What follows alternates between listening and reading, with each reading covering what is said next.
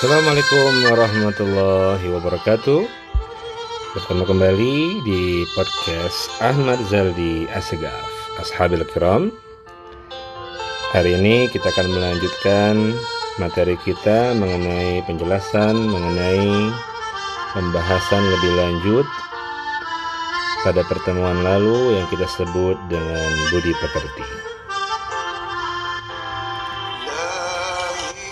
Baik, sahabat perlu diketahui bahwa di dalam budi pekerti kita akan mengenal istilah dalam bahasa Arab itu disebut dengan al-khuluku dan al-khalqi. Yang termasuk dua kata yang dipakai secara bersamaan. Bahkan dalam sebuah qaul, tomagola, berbunyi seorang budi pekertinya sempurna dan ciptaannya pun sempurna. Maksudnya adalah orang itu sempurna lahir dan batin. Ashabul kiram Al-Khalqi mempunyai arti bentuk jasad yang lahir. Sedangkan Al-Khuluki adalah bentuk batin yang tersembunyi. Arti dari Al-Khuluki adalah gerakan jiwa yang bersih sehingga menimbulkan pekerjaan yang bersih dan mudah. Jika budi pekertinya baik, maka jiwanya juga pasti baik. Jika budi pekertinya buruk, maka jiwanya juga sudah pasti buruk. Di sini kita dapat mengerti akan empat hal. Yang pertama adalah mengenai perbuatan yang baik ataupun perbuatan yang buruk. Yang kedua, mengenai kemampuan untuk berbuat baik ataupun kemampuan untuk berbuat buruk. Yang ketiga, pengetahuan yang dapat membedakan perbuatan baik dari perbuatan yang buruk. Yang keempat, yaitu kecondongan seseorang kepada perbuatan baik ataukah kepada perbuatan buruk. Ashabil kiram yang dirahmati Allah Subhanahu wa taala yang disebut dengan al-khuluq bukan hanya perbuatan saja, ada kalanya seseorang mempunyai budi pekerti yang dermawan, sehingga ia tidak dapat bersikap dermawan jika ia miskin atau ia kikir. Adapun budi pekerti adalah satu gerakan yang timbul dari hati seseorang untuk melakukan suatu pekerjaan. Sebagaimana seseorang yang wajahnya tampan, maka bentuk lahirnya adalah sempurna. Demikian pula jika batin seseorang itu bagus, maka secara otomatis segala perilakunya juga akan bagus. Jika lahir batinnya bagus, maka sempurnalah budi pekertinya. Masya Allah ya. Hanya seseorang yang berilmu yang dapat membedakan antara ucapannya yang benar dari yang dusta. Antara perilakunya yang baik dari yang buruk dan antara keyakinannya yang baik dari yang buruk. Hal ini sebagaimana yang disebutkan dalam firman Allah Subhanahu wa taala. A'udzu billahi minasyaitonir rajim. Bismillahirrahmanirrahim. Wa may yu'tal hikmata faqad utiya khairan katsira. Yang artinya dan barang siapa yang dianugerahi hikmah Berarti ia benar-benar telah dianugerahi karunia yang banyak. Terdapat dalam surat Quran surat Al-Baqarah ayat 269. Ashabil kiram, demikian pula kekuatan emosi dan kekuatan syahwat seseorang akan dipengaruhi oleh kebijakannya sendiri yang erat hubungannya dengan akal dan syariatnya. Adapun jika seseorang jiwanya sempurna, maka ia dapat mengendalikan hawa nafsu dan emosinya. Adapun seseorang sempurna budi pekertinya, maka kebijakannya, keberaniannya, perilakunya, dan keadilannya akan terlihat dengan baik. Tetapi jika budi pekertinya buruk, maka segala macam sifat buruk akan terlihat dari dirinya seperti seseorang yang suka berbuat makar jahat, penipuan, dan kedustaan, maka orang itu selalu berperilaku yang buruk.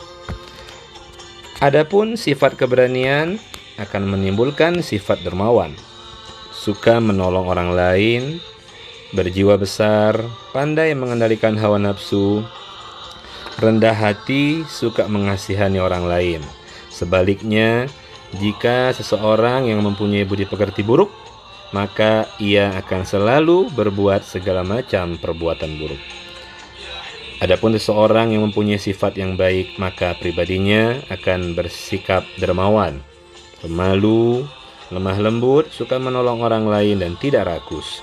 Jika sebaliknya, maka orang itu akan selalu berbuat buruk, suka menghambur-hamburkan uang, suka berbuat riak, suka pada perbuatan gila, suka berbuat hasut, suka mentertawakan orang yang kesusahan, suka memusuhi orang-orang kaya, suka menghina orang-orang miskin. Sahabil kiram yang dirahmati Allah. Sebagaimana kesimpulannya, seseorang yang budi pekertinya mulia, maka sikapnya akan berubah menjadi baik. Menjadi berani membela kebenaran, menjaga kebaikan dirinya, dan menegakkan keadilan. Tidak seorang pun yang mencapai semua sifat baik yang disebutkan tadi kecuali pribadi Rasulullah Shallallahu Alaihi Wasallam. Adapun sebagian orang yang meniru kesempurnaan pribadi beliau Shallallahu Alaihi Wasallam dan masing-masing orang saling berbeda hasilnya. Karena itu, siapa pun yang paling sempurna budi pekertinya, maka ia sangat dekat dengan Allah Subhanahu wa taala dan rasulnya. Mudah-mudahan kita termotivasi untuk selalu melakukan perbuatan baik.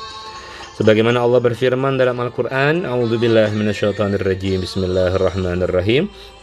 Innamal mu'minuna alladzina amanu billahi wa rasulih thumma lam yartabu wa jahadu bi amwalihim wa anfusihim fi sabilillah ulaika humus.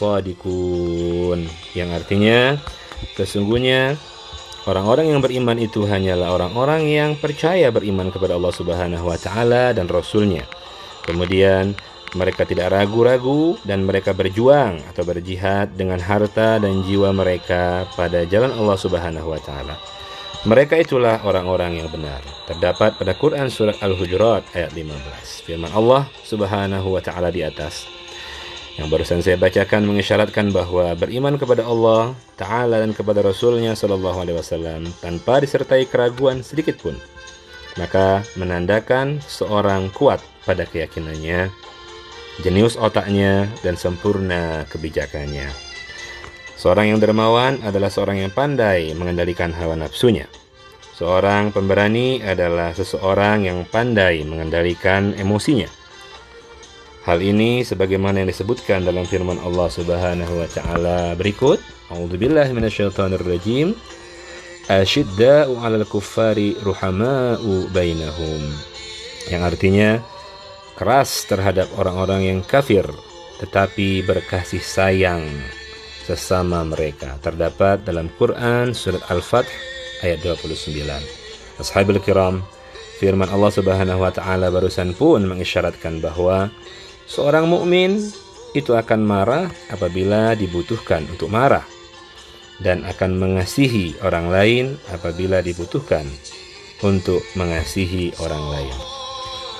Mudah-mudahan pada lanjutan materi ketiga tentang akhlak ini dapat memberikan manfaat yang dalam tentang ilmu tasawuf kita, pendalaman kita terhadap budi pekerti, dan kita berdoa kepada Allah Subhanahu wa taala kita semua, saya dan para mustami'in, para sahabat kiram semuanya diberikan kelembutan hati dan kemudahan dan ilmu untuk melaksanakan akhlak-akhlak dan kita berakhlak kepada baginda Nabi Muhammad sallallahu alaihi wasallam, bertasawuf kepada baginda Nabi Muhammad sallallahu alaihi wasallam.